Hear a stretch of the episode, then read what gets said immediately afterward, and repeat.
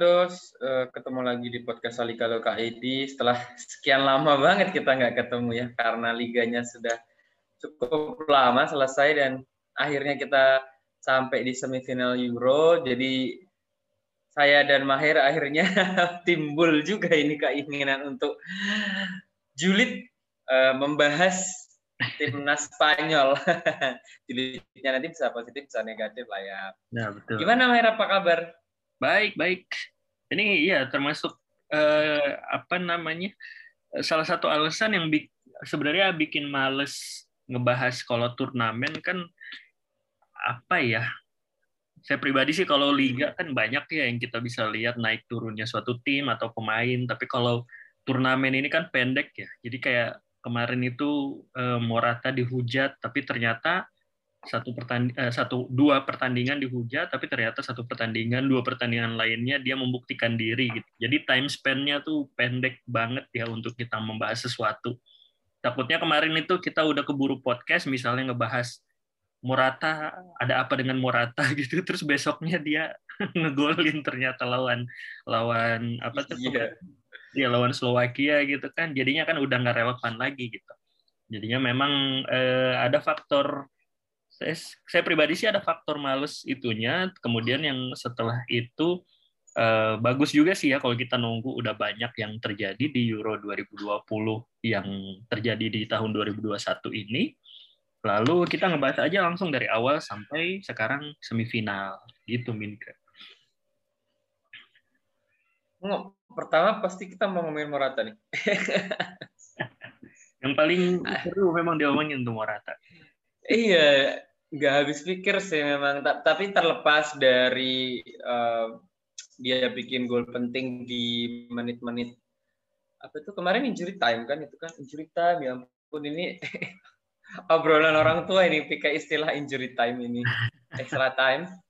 Kan kalau nggak salah dia uh, oh sorry lawan Slovakia dia nggak ngegolin ya? Dia ngegolinnya lawan Kroasia Lalu hmm. ya Kroasia doang sama lawan uh, Polandia kan ya dia ngegol. Eh, kok Polandia sih? Oh, jadi lupa sih. Nah itu kan udah lupa. lawan apa dia? Iya Polandia benar ya, Polandia. Lawan Polandia kemudian hmm. lawan Kroasia hmm. dia ngegolin dia baru dua gol. Waktu lawan Slovakia yang pesta gol itu dia gagal penalti. hampir hampir dia apa tuh? Yang yang paling yang paling kerasa itu kemarin sih waktu lawan Swiss itu ada satu momen menarik yang yang di uh, di syuting oleh kamera kameranya menyoroti Morata. Morata waktu itu kelihatan besar gitu kan. Karena analisis dari TV itu yang aku lupa TV-nya apa itu Morata terbebani kalau kalau dia nggak bisa apa, ya. kalau Spanyol itu nggak lolos dia merasa dirinya bersalah gitu kan. Karena harusnya bisa menang kan mereka tuh nggak harus sampai ke babak perpanjangan waktu sampai penalti gitu. Ya apalagi uh, Swiss kan bermain 10 pemain ya dari iya.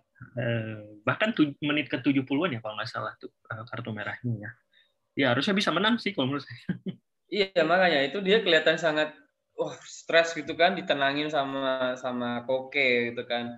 Uh, bisa bisa dipahami kenapa Koke yang di situ selain karena dia di Atletik Kapten. Nah, Koke ini kan dia udah sama uh, Morata tuh dari kecil. Jadi kalau yang belum belum tahu tracknya Morata, mungkin cuma tahu Morata itu lulusan uh, La Fabrica. Sebetulnya dia itu dulu maksudnya Atleti kan. Sempat satu tim sama Koke sama Keko yang sekarang di Malaga. sekarang Keko itu ya. Keko Gontan itu terus kemudian sama uh, Burha Burha siapa itu namanya Valero bukan bukan bukan aku lupa namanya ingatnya namanya Burha aja yang dulu di Swansea sebelumnya di Eibar oh. itu iya iya ya.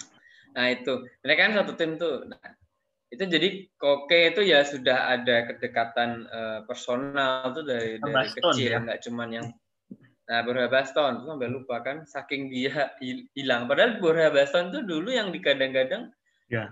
jadi ini sih, jadi yang hebat karena dia mencapai rekor uh, Torres di akademi itu. Tapi hmm. dia cedera ACL terlalu dini, jadi ya disalip Morata lah secara uh, penampilan. Nah karena ada per, kedekatan personal dari kecil itu sih, jadi langsung kenapa kok kayak yang begitu apa tuh namanya ngadem-ngademin kita kelihatan ini kan waktu apa sih si Morata begitu lihat uh, Spanyol menang dari ada penalti itu langsung dia larinya kelihatan banget orang yang lega kayak orang nahan. banget, betul. nahan kayak orang nahan pup tiga jam itu langsung nemu toilet. Wow.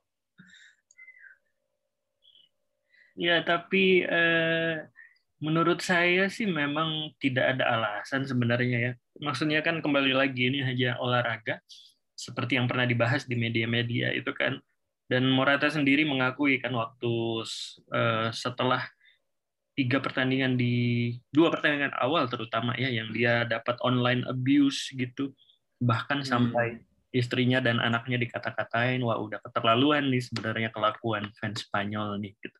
Tapi kalau dilihat juga ya uh, itu biasanya memang normal terjadi ya ke yeah. ke terutama striker ya.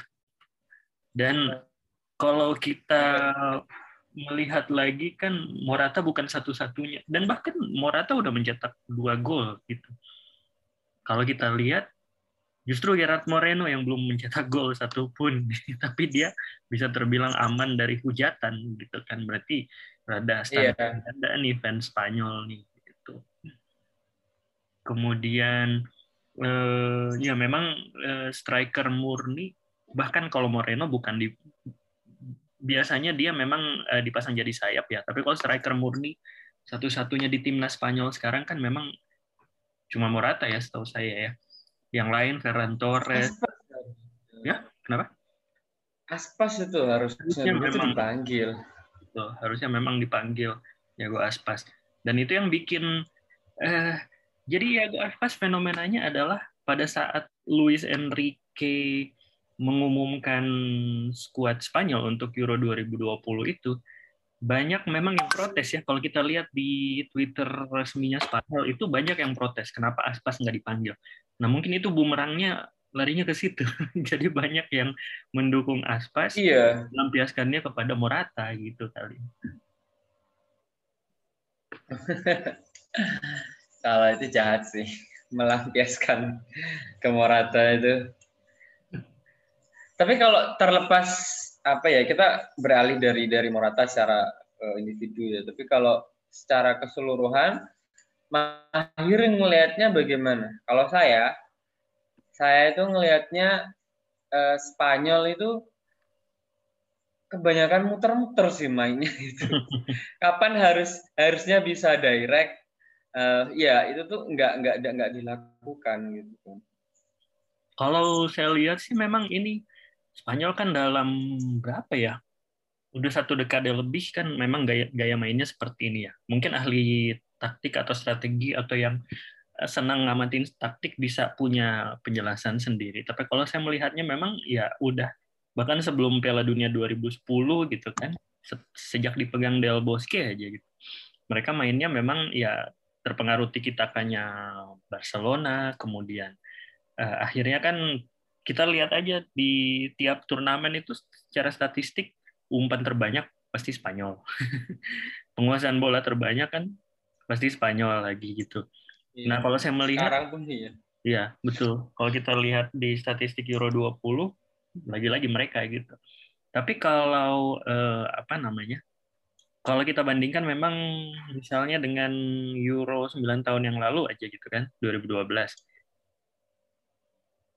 uh, serupa tapi tapi tak sama sih ya kalau menurut saya ya.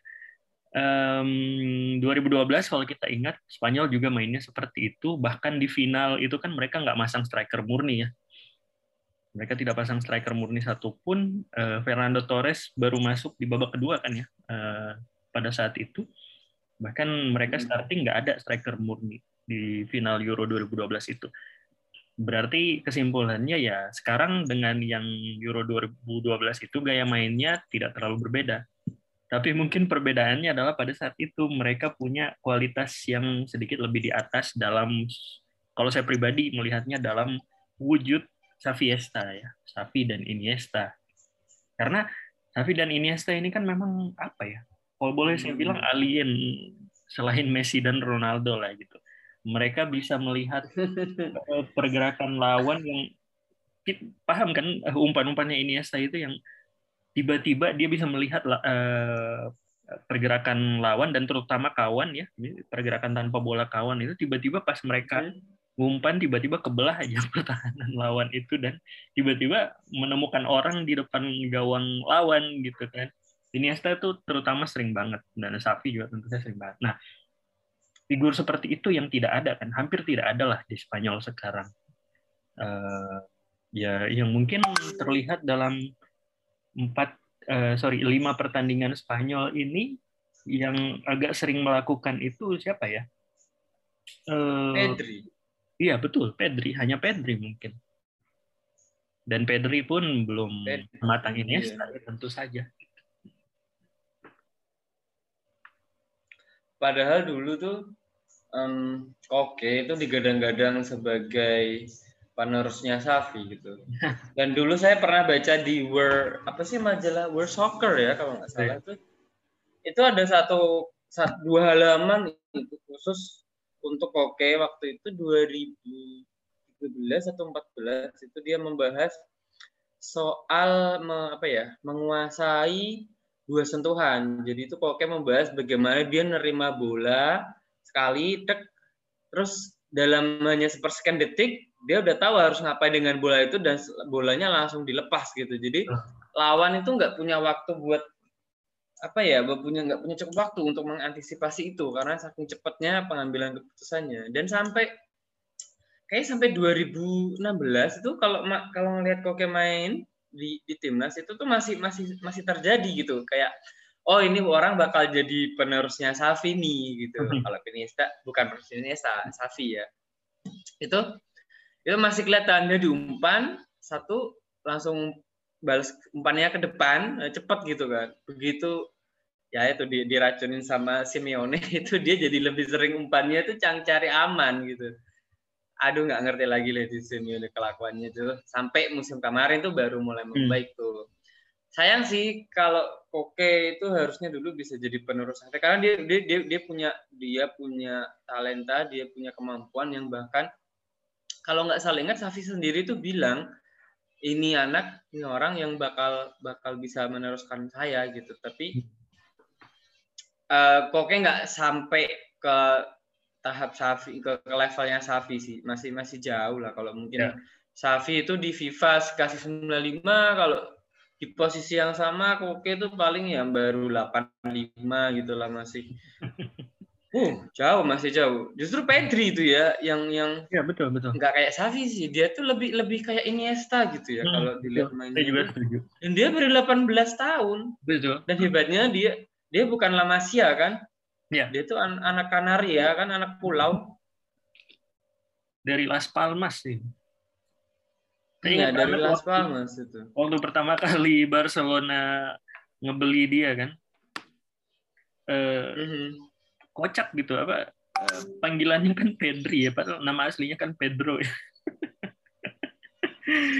Jadi ini itu typo aja kayaknya apa ini typo atau gimana? Namanya kan Pedro. Tapi ya memang eh, kita bisa lihat lah kalau kalau didikannya benar ya Pedri itu calon eh, calon penguasa dunia dalam tanda kutip ya seperti Iniesta. Mungkin bersama De Jong nanti di Barcelona kalau arahannya benar nih mereka bisa menyamai Xavi dan Iniesta bahkan mungkin melebihi itu ya.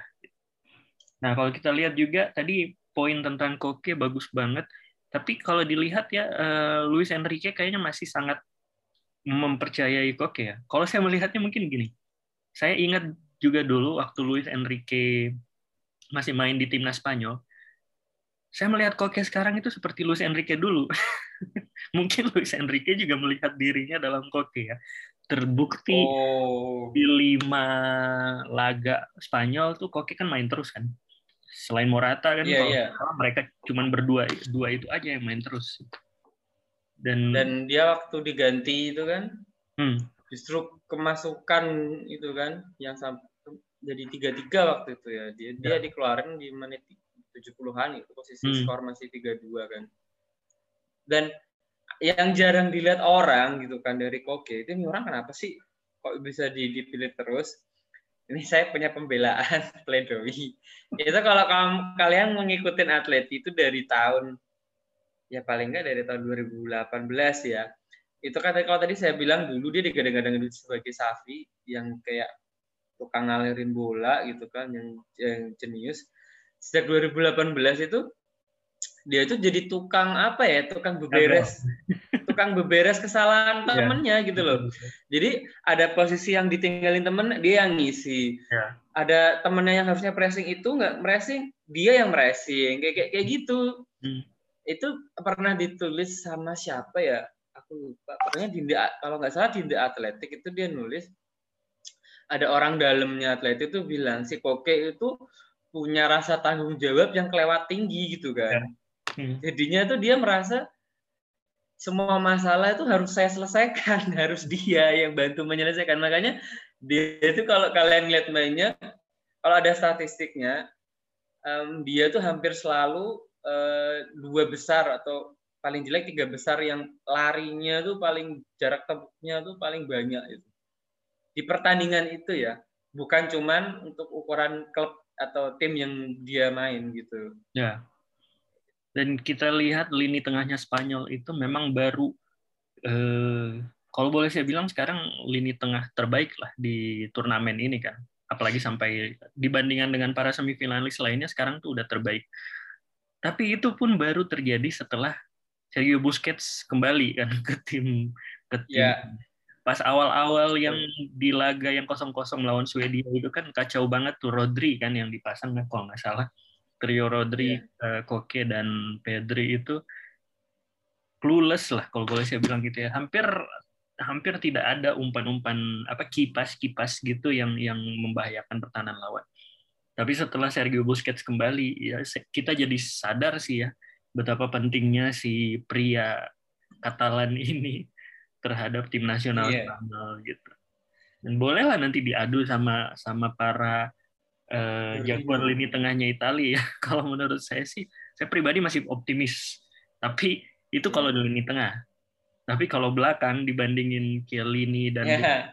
dibandingin Pau Torres dan siapa di belakang wah kacau lah itu. gitu. Kacau banget terutama waktu laga melawan Kroasia itu kan Pau Torres masuk di babak kedua itu kacau banget. Gimana Min kan lihat? Itu memang sahih sih. Itu kemarin ada meme kan. Apa sih yang ada gambar tiga naga hmm. tapi yang naga kiri kanan itu lebih kayak belut gitu kan. Jadi itu di dari kiri ke kanan itu yang belut itu lini belakang yang tengah itu naga yang yang kak yang apa itu lini depannya itu belut lagi. Jadi memang kayak gitu sih, memang itu akurat sekali gitu. Kayak yang de, yang belak yang depan itu eh yang yang tengah mah udah susah-susah menjaga keseimbangan, ngasih umpan bagus, yang depan ya gitu. Nih tembaknya ke kiper atau ke mana itu. Yang belakang juga ya itu aduh no comment deh. Kayaknya memang kesalahan besar sih masang masang dua back tengah yang sama-sama kidal itu. Iya, betul. Dan kalau kita lihat kan sebenarnya Spanyol dari pertandingan pertama mereka belum dapat lawan yang sepadan ya. Sampai akhirnya ketemu Kroasia ya. Kalau saya lihat tuh. Swedia kan kalau boleh kita bilang ya masih di bawah Spanyol sebenarnya lah ya gitu. Tapi ternyata ditahan imbang kosong-kosong. Kemudian lawan Polandia malah imbang satu-satu gitu. Nah setelah itu eh, mereka barulah menang lawan Slovakia. Hmm. Setelah itu lawan Kroasia baru terekspos semua kan kelemahannya. Eh, ya akhirnya terlihatlah salah satu kelemahan paling kacau lah itu ya di timnas Spanyol ya memang duet center backnya nggak ada yang beres sih kalau menurut saya mau masang duet Pau Torres Aymeric Laporte atau Eric Garcia Aymeric Laporte kacau semua sih kalau menurut saya. Belum lagi uh, sempat blunder kan waktu iya. lawan, lawan Kroasia tuh. Aduh. Dan kalau dilihat juga cadangannya ya Diego Llorente gitu kan. Waduh. Kalau menurut saya kemarin sih ya memang yang pertama dan nah. pasti para para fans Madrid pasti senang banget uh, ada dukungan untuk argumennya. Saya pikir memang Sergio Ramos masih pantas untuk dibawa kalau saya pribadi. Atau kalau bukan Sergio Ramos, ini deh Raul Albiol. Kalau Nacho, Mhm.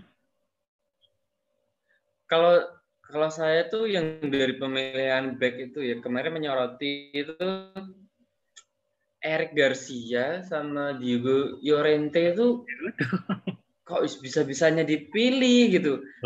Kalau ah, saya berusaha eh, objektif di sini ya. Kalau melepas ketidaksukaan kepada tetangga, itu, yang harusnya masuk itu harusnya na, eh, Nacho ya kalau nggak salah. Nacho itu Ya, mainnya Nacho. bagus loh. Kemarin kan Lagi Sergio Ramos itu ya ya banyak cedera wajar ditinggal Mhm. ya takutnya memang dia nggak nemu ritmenya gitu kan harusnya itu Nacho gitu kan satunya lagi memang kayak tadi kata Mahir lah, Raul Albiol gitu Mhm. Eric Garcia itu loh sama Diego Llorente itu ngapain gitu Terus saya sempat mikir-mikir apa memang Raul Albiol sudah pensiun ya dari timnas. Tapi kalau nggak salah beberapa friendly sebelum Euro kan sempat dipanggil tuh Raul Albiol kan. Dan kita lihat performa Albiol di final eh, apa, Europa League melawan Manchester United itu luar biasa menurut saya. Tidak terlihat usianya udah 35. iya Hmm. iya loh dan dia bisa gantiin Ramos gitu kan kalau kita bicara soal me- Leadership. menyuntikkan apa itu namanya eh, leadership gitu kan gantiin itu sama-sama senior Betul. Ramos cedera ya udah Albiol itu tuh mungkin kayak ada benarnya juga ya para para Madridista ini Luis Enrique gini ada sensi apa sih Dan kalau dilihat memang dari skuad Real Madrid yang paling pantas masuk ya. Kalau kita membahas ini ya misalnya harus ada satu deh yang di eh, harus ada satu deh yang dibawa untuk mewakili Real Madrid gitu ya. Ya memang yang paling pantas Nacho ya. Karena selain Nacho eh, Sergio Ramos, Dani Carvajal salah cedera kan. Nggak ada lagi. cedera iya Lucas Vazquez kalau nggak salah cedera juga. Ya memang harusnya Nacho yang dibawa. Nah, iya makanya itu karena ya itulah kalau ngomongin back saya apa tuh back tengah itu yang bagus ya kalau urutan saya bilang Laporte Mhm. sama eh bilangnya Laporte apa Laporte sih Laporte karena Prancis ya. Laporte ya itu sama oh iya sama Pau Torres memang tapi itu karena mereka sama-sama kaki kiri kidal ya nggak ideal kalau masang bareng gitu kan. ya harusnya satu back kanan satu back eh back tengah yang yang kaki kanan yang benar ya Nacho kenapa nggak dibawa pula Betul sekali. Terus itu juga eh, itu mengundang pertanyaan juga ya di eh, striker dan di kiper, ya kan? Kalau kiper memang, eh, tapi saya agak terganggu nih ya pada saat Unai Simon blunder tuh ya. Banyak banget orang yang mungkin tidak terlalu ngikutin dan tidak terlalu paham timnas Spanyol dan La Liga. Mereka pengennya bilang, makanya masang De Gea dong gitu. Tapi ini kelihatan banget ya eh, mereka tidak memahami eh, isi kepala Luis Enrique dan publik Spanyol karena De Gea itu bisa dibilang ya udah hampir habis lah di timnas Spanyol terutama tahun lalu pada saat ada blunder lumayan parah tuh ya di Nations League ya kalau nggak salah lawan Ukraina itu parah banget dan pada saat eh, Piala Dunia 2018 kan blunder juga ya kalau nggak salah lawan Portugal itu kan itu ke apa namanya kesabarannya publik Spanyol ke De Gea kalau menurut saya udah habis. Ini masih untung di bawah ya jadi kiper cadangan gitu. Tapi kalau dilihat kenapa sih Luis Enrique ini nggak mau melihat ke liga domestik ya, liga negaranya sendiri. Itu kan banyak banget kiper bagus di di La Liga ya. Dan Minka ter- tentu saja sangat Iya. eh, tahu ya punya favorit dalam diri Sergio Asenjo ya. Asenjo Nggak pernah dibawa ke dia turnamen itu orang itu. nggak nggak tahu dia tuh sialnya kayak mau kayak gimana lagi sih kasihan sama dia tuh final loh Ih, kita ngomongin Asean bentar nih final Eropa gitu dia tuh udah, memang udah pernah dapet trofi kan 2012 Hmm. Eh 2012 ya dia 2012 tuh masih eh, waktu Simeone itu kan Hmm. terus 2010 juga 2010 juga kayaknya ya. Ya kalau nggak salah dia tiga kali. Tapi dia nggak pernah main di final.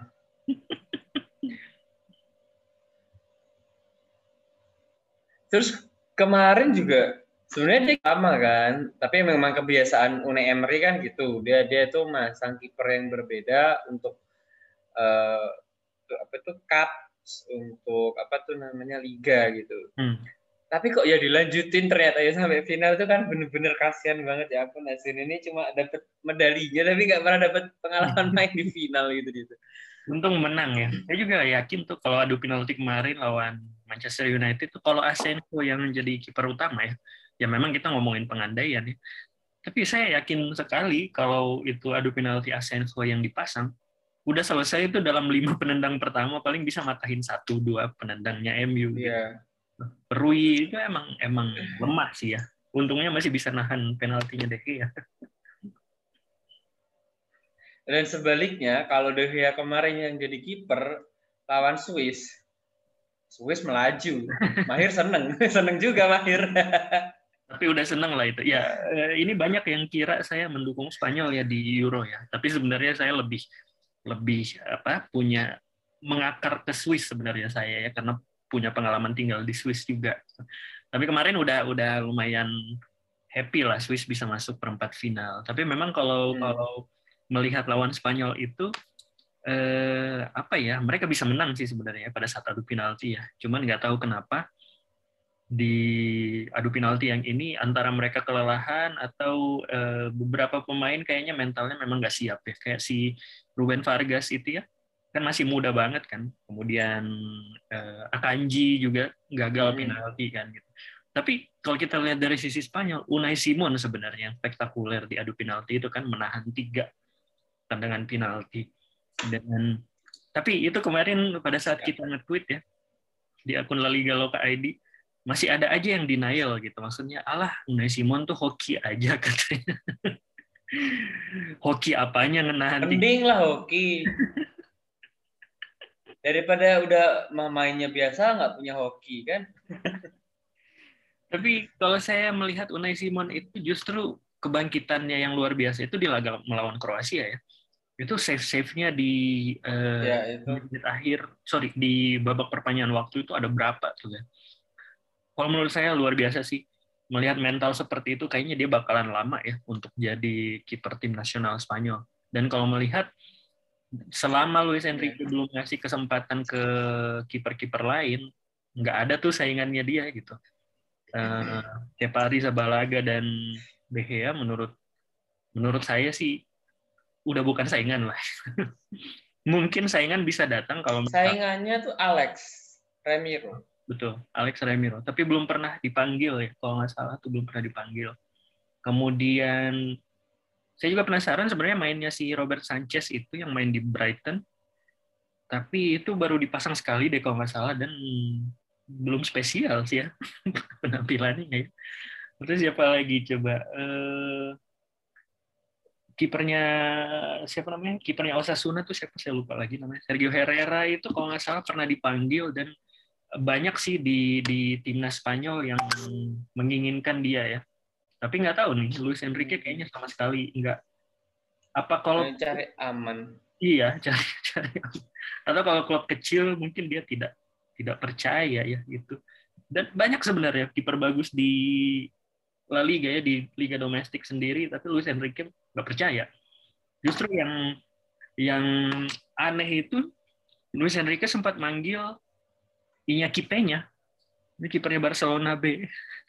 itu loncatan karir yang luar biasa buat seorang kiper cadangan hmm. dan kiper Barcelona B ya. Tapi ya lagi-lagi menegaskan bahwa emang aneh sih Luis Enrique emang kepala batu dia ya.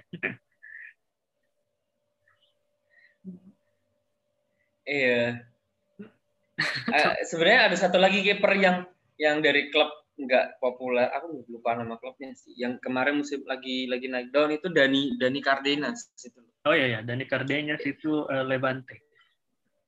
Itu musim kemarin tampil ter, terhitung apa ya kelihatan dia bakal menanjak gitu sih kalau dia bisa nerusin performa itu. Banyak sih ya.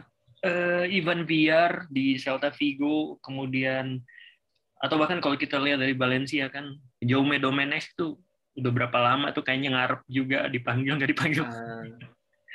Kemudian yang lagi gila juga di IPL kan sebenarnya kalau menurut saya pribadi daripada si Robert Sanchez belum berpengalaman masih muda gitu kan, mending manggil si Vicente Huaita kan yang di Crystal Palace tuh tapi ya hmm. ya nggak tahu ya tadi pikiran Luis Enrique nggak tahu ya tahu siapa yang di AS Roma Paul Lopez. Paul Lopez. Hmm. nah itu udah nggak terlalu ini sih. Ya sih memang lagi menurun sih. Tapi dibanding kayaknya kalau sekarang ya. sekarang stok-stoknya itu justru bagus ini kan ya? Dari bas basket ya? Hmm, hmm, betul. Produksi basket sekarang lagi betul. hot. Tapi semoga nggak nggak nggak redup cepet kayak si Kepa. kalau menurut saya sih, um, kalau kita lihat pelatih kiper Spanyol itu uh, ini perlu riset lebih lanjut ya. Tapi kayaknya pelatih kiper Spanyol memang punya kelebihan. Kalau kita lihat kan si siapa tuh klub Liga Indonesia Borneo FC kan sempat mengontrak pelatih kiper dari Spanyol dan uh, mereka berhasil meroketkan nama-nama seperti siapa namanya uh, Nadeo kalau nggak salah ya dari Borneo kemudian uh, Rido gitu kan. Jadi memang emang ini terlalu jauh ya kita ngambil ngambil contoh ke Indonesia ya.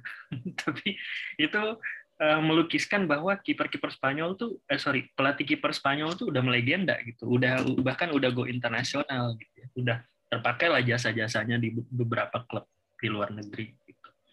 Nah, hmm. Kepa ini menurut saya memang pada saat dia pindah kan dia masih usia 22 ya kalau nggak salah ya.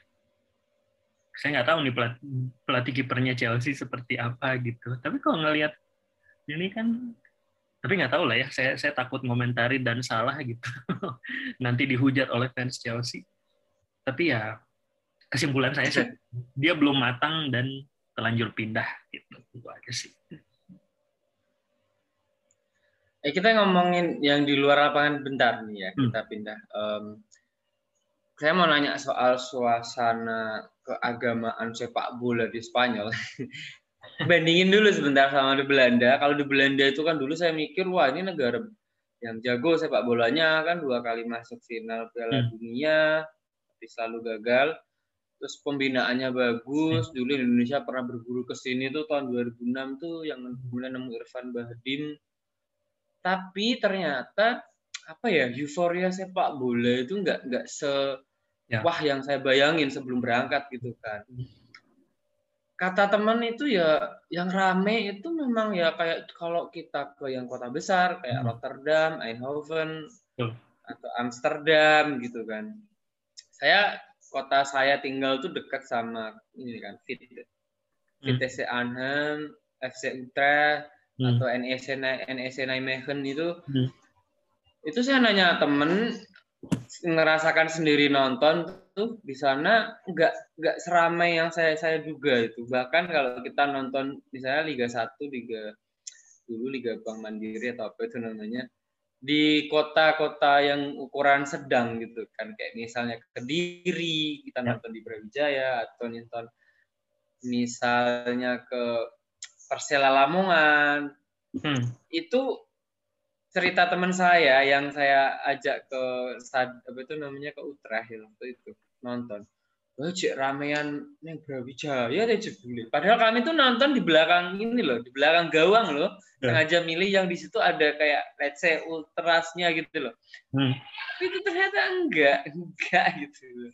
Kalau di Spanyol gimana? Apakah sama kayak di Belanda? Itu ramenya ya cuma di kota-kota besar gitu. Yang jelas kalau kota besar biasanya mereka udah paham uh, sepak bola sebagai industri ya. Kayak Real Madrid, Barcelona, Atletico, dan bahkan Sevilla, eh, Valencia itu udah paham sepak bola sebagai industri. Jadi selain dijual ke warga lokal, mereka bisa marketkan ke luar negeri kan. Terutama Barcelona, Real Madrid itu sudah paham banget lah gitu. Tapi memang secara eh, kultur ya, memang Spanyol ini lumayan eksepsional di Eropa. Saya juga pernah eh, saya juga pernah nonton di Jerman. Eh, mungkin tidak tahu terlalu beda lah sama Belanda ya. Memang masih dilihat sebagai apa ya entertainment kali ya seperti itu ya. Sedangkan kalau di Spanyol itu udah kayak agama dalam tanda kutip ya. Udah kayak agama, fanatismenya itu udah udah kayak agama. Dalam hal gini, kalau di kamar mungkin eh, kalau agama kan kita masang misalnya kalau Islam masang eh, tulisan-tulisan dari Al-Quran gitu atau kalau untuk yang yang Kristiani ya ada masang figur-figur keagamaan lain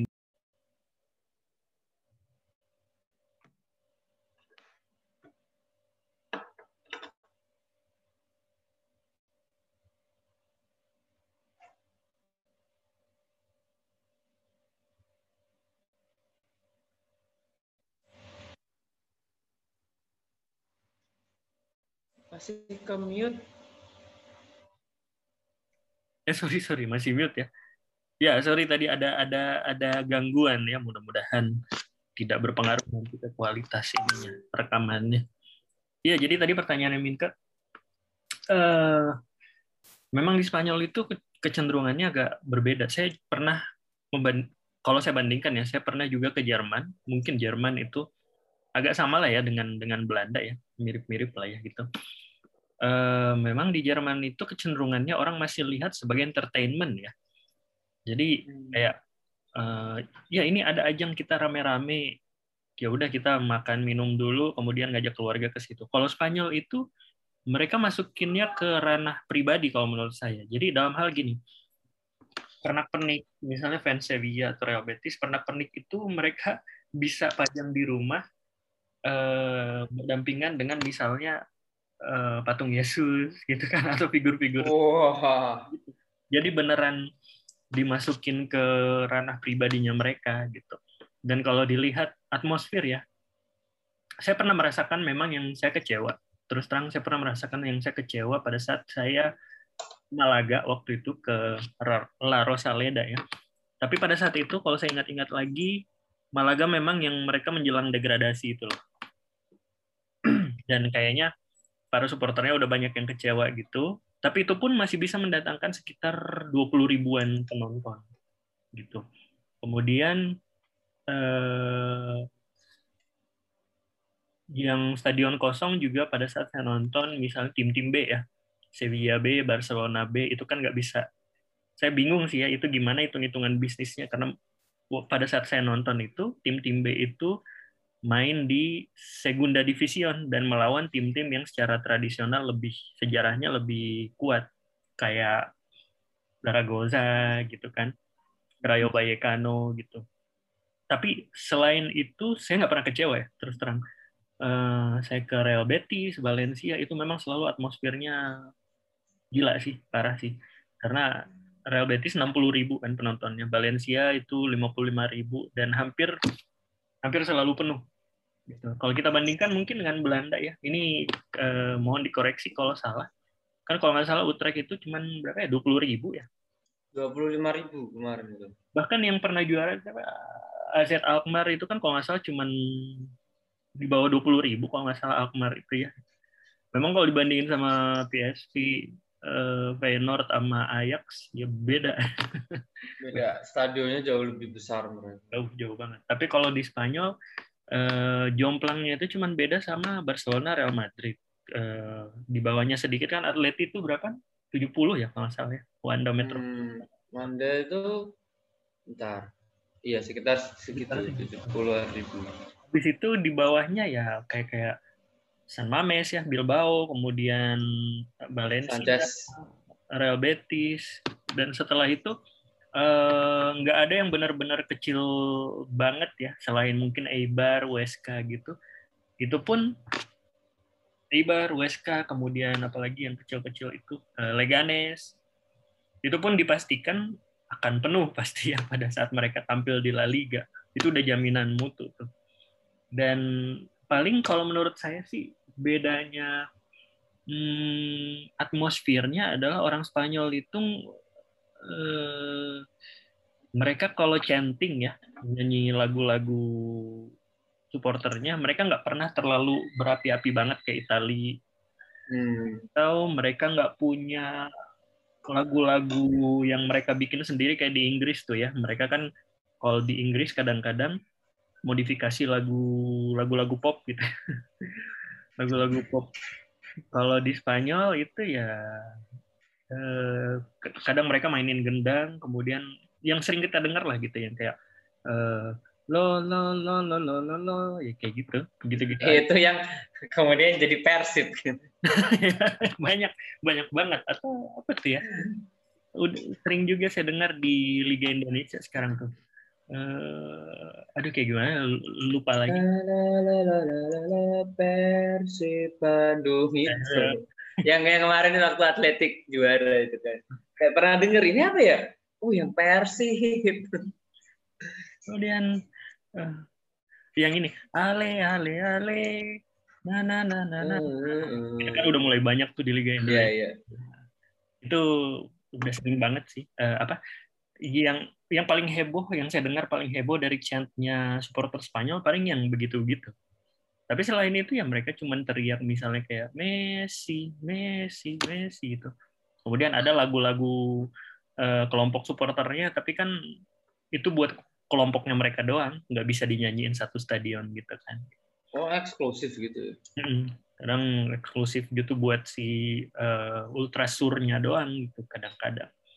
Tapi selain itu ya memang Spanyol itu ini sih ya apa heboh sih ya kalau menurut saya kurang laut doang sih kalau menurut saya. Kurang apa ya kurang menggelegar gitu. Pada saat mereka chanting beda sama saya sempat membandingkannya sama uh, Itali mungkin atau Inggris ya. Karena orang Inggris kan yang nyanyinya mereka punya chant sendiri dari lagu populer kemudian bisa dinyanyikan satu stadion. Kalau di Spanyol hmm. nggak seperti itu. Tapi secara fanatisme dalam jumlah besar gitu ya. Uh, untuk mobilisasi massanya memang Spanyol ini eksepsional lah. Kalau ini kalau perkara dukung timnas tuh mereka masih membawa-bawa identitas uh, daerah atau klub gitu nggak sih? Kayak misalnya nih Morata ah dasar tuh ini pemain si klub ini klub itu tuh kayak tipikal ini netizen Indonesia gitu nggak sih? Atau ini mereka ya udah. Hmm, ini yang rada unik memang dari dari Spanyol ya karena eh, memang agak eksklusif untuk timnas Spanyol ini. Karena Basque sama Katalan itu udah pasti nggak akan ngedukung lah gitu. Udah pasti nggak akan ngedukung tim nasional Spanyol. Tapi di bagian yang mendukung kan lebih banyak ya. Iya. dari berapa uh, wilayah otonoma itu ya cuman dua atau tiga yang nggak ngedukung berarti kan yang lain lumayan mendukung gitu. Tapi untuk misalnya ngata-ngatain si pemain karena dia orang Madrid atau orang Andalusia gitu saya pikir enggak sih. Mereka udah tahu lah gitu ya nempatinnya oh ini kapasitasnya adalah tim nasional. Tapi ini memang kalau nggak salah ini tidak diungkapkan ke media tapi salah satu alasan mindahin venue Euro 2020 dari Bilbao kan San Mames kan tadinya harusnya tuan rumahnya ke Sevilla ke La Cartuja itu ya salah satunya adalah itu karena mereka takut di Bilbao itu nanti sepi karena selain faktor pandemi hmm. fanatismenya kan tidak tidak mendukung ya untuk tim nasional. Yeah. Kan orang Andalusia itu sangat sangat sangat sangat fanatik terhadap tim nasional gitu sih. Terlepas meskipun kipernya orang Basque ya, hmm, nah, Simon. Betul. Uh, Aspilicueta juga bukan, iya kan orang ya, Basque ya? Aspilicueta tuh Basque. Uh, kalau Katalan sih biasanya mereka memang kalau basket sih masih mending ya. Mereka kadang masih mendukung. Katalan itu yang sama sekali nggak mau. hmm. Udah kayak seralah urusan lu, urusan lu gitu. Terus nah itu terlihat sih kalau tim nasional main kan Camp Nou nggak pernah dipakai. Hmm. Mames juga kalau nggak salah udah berapa tahun nggak pernah dipakai pasti muter-muternya di situ aja di kota Madrid paling sering di daerah Madrid paling sering. Andalusia juga sering. Valencia kadang-kadang. Kemudian daerah-daerah atas tuh yang apa uh, Gijón, kemudian apa lagi? Uh, Galicia juga jarang. Galicia, uh, La Coruña sama Vigo tuh jarang digunakan. Apalagi di Kanaria. Kanaria kalau nggak salah pernah dia. Kalau nggak salah. Oh, iya. Karena stadionnya tuh lumayan. Kanaria sama Baleares tuh lumayan Mallorca itu. Cuman transportnya ke sana mungkin. Iya, ke sananya yang repotin itu. balik.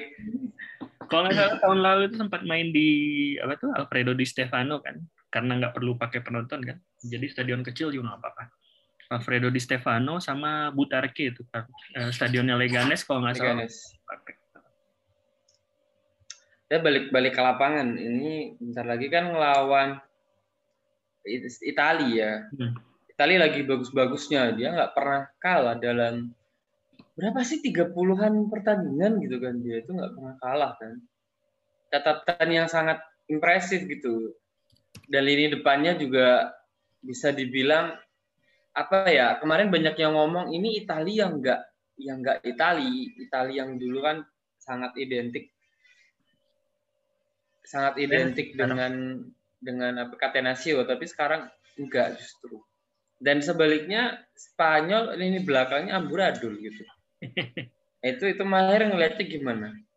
Kalau Apakah bisa mengulang Euro yang sebelumnya yang menang? Susah sih ya. Kalau menurut saya, kalau menurut saya nih, kalau Spanyol menang lawan Italia ini juara deh mereka. Karena nah. lawan antara Denmark dan Inggris. Saya masih yakin lah kalau melawan dua itu Spanyol bisa menang. Tapi Italia ini memang susah kayaknya sekarang. Melihat 2000 berapa 2016 lalu Spanyol juga kalah. Kemudian ya kita harus ingat Spanyol yang ini bukan lagi seperti yang 9 tahun lalu ya di tangan yeah. oleh Vicente del, Bosque. Kemudian aktor-aktor protagonisnya udah banyak yang pensiun kan Iniesta, Xavi, Fernando Torres, David Villa segala macam itu udah nggak ada. Uh, kalaupun menang tipis, saya pikir udah bisa juara lah Spanyol ini. Jangan sampai penalti sih. Kipernya juga jago Italia itu ya. Benar bang. Donnarumma itu keren banget kemarin waktu lawan Belgia. Sayang dia pindahnya ke Prancis ya. Liga nggak hmm. yang tidak akan saya tonton Bang itu males. Kenapa? Uh, daya tariknya kurang ini aja, kurang cocok aja mas saya. Hmm. Mending nonton Bundesliga daripada Liga kadang-kadang. Ya udah kita nggak nggak punya banyak waktu lagi nih sayangnya ya. Kita hasilnya kita nggak mau bikin prediksi pokoknya udahlah kita serahkan kepada yang di lapangan. Momennya kayak gimana nanti. Tapi Spanyol masuk semifinal aja itu sudah di luar dugaan saya loh. Ya saya juga begitu. Saya juga prediksinya mungkin cuma lolos grup kemudian tempat final hmm. lawannya siapa gitu. Saya pikir ah udahlah udah lewat lah. Eh tapi ternyata nyampe semifinal lumayan banget. Iya. saya pribadi lebih lebih optimis kalau itu timnya dulu siapa tuh? Lopetegui. Itu jauh lebih bagus menurut saya oh. daripada yang Enrique sekarang. Sekarang. Tapi bejonya memang gede memang. Nggak tahu piye cara nih pokoknya bejonya mana yang gede. Jadi kita nikmati sajalah permainan Spanyol ini yang sudah melebihi ekspektasi kami berdua. Hasilnya apa pun nanti kita ya udah kita nikmati saja. Oke, terima kasih Mahir. Terima kasih teman-teman yang yang sudah mau dengerin sampai detik ini. Kita ketemu lagi nanti uh, di akhir Euro ya. Nanti kita bahas. Ya, nanti kita rekaman lagi lah. Atau kita fleet kali ya. Ah itu boleh-boleh juga tuh ide yang bagus. Nanti kalau hasilnya jelek ya kita julitin. kalau yang bagus kita puji-puji. Fans Madrid dipersilahkan nanti ya. Ya nanti ya itu ada panggung buat mereka nanti ya. Makasih Mahir. Oke, sih. Selamat sore ya.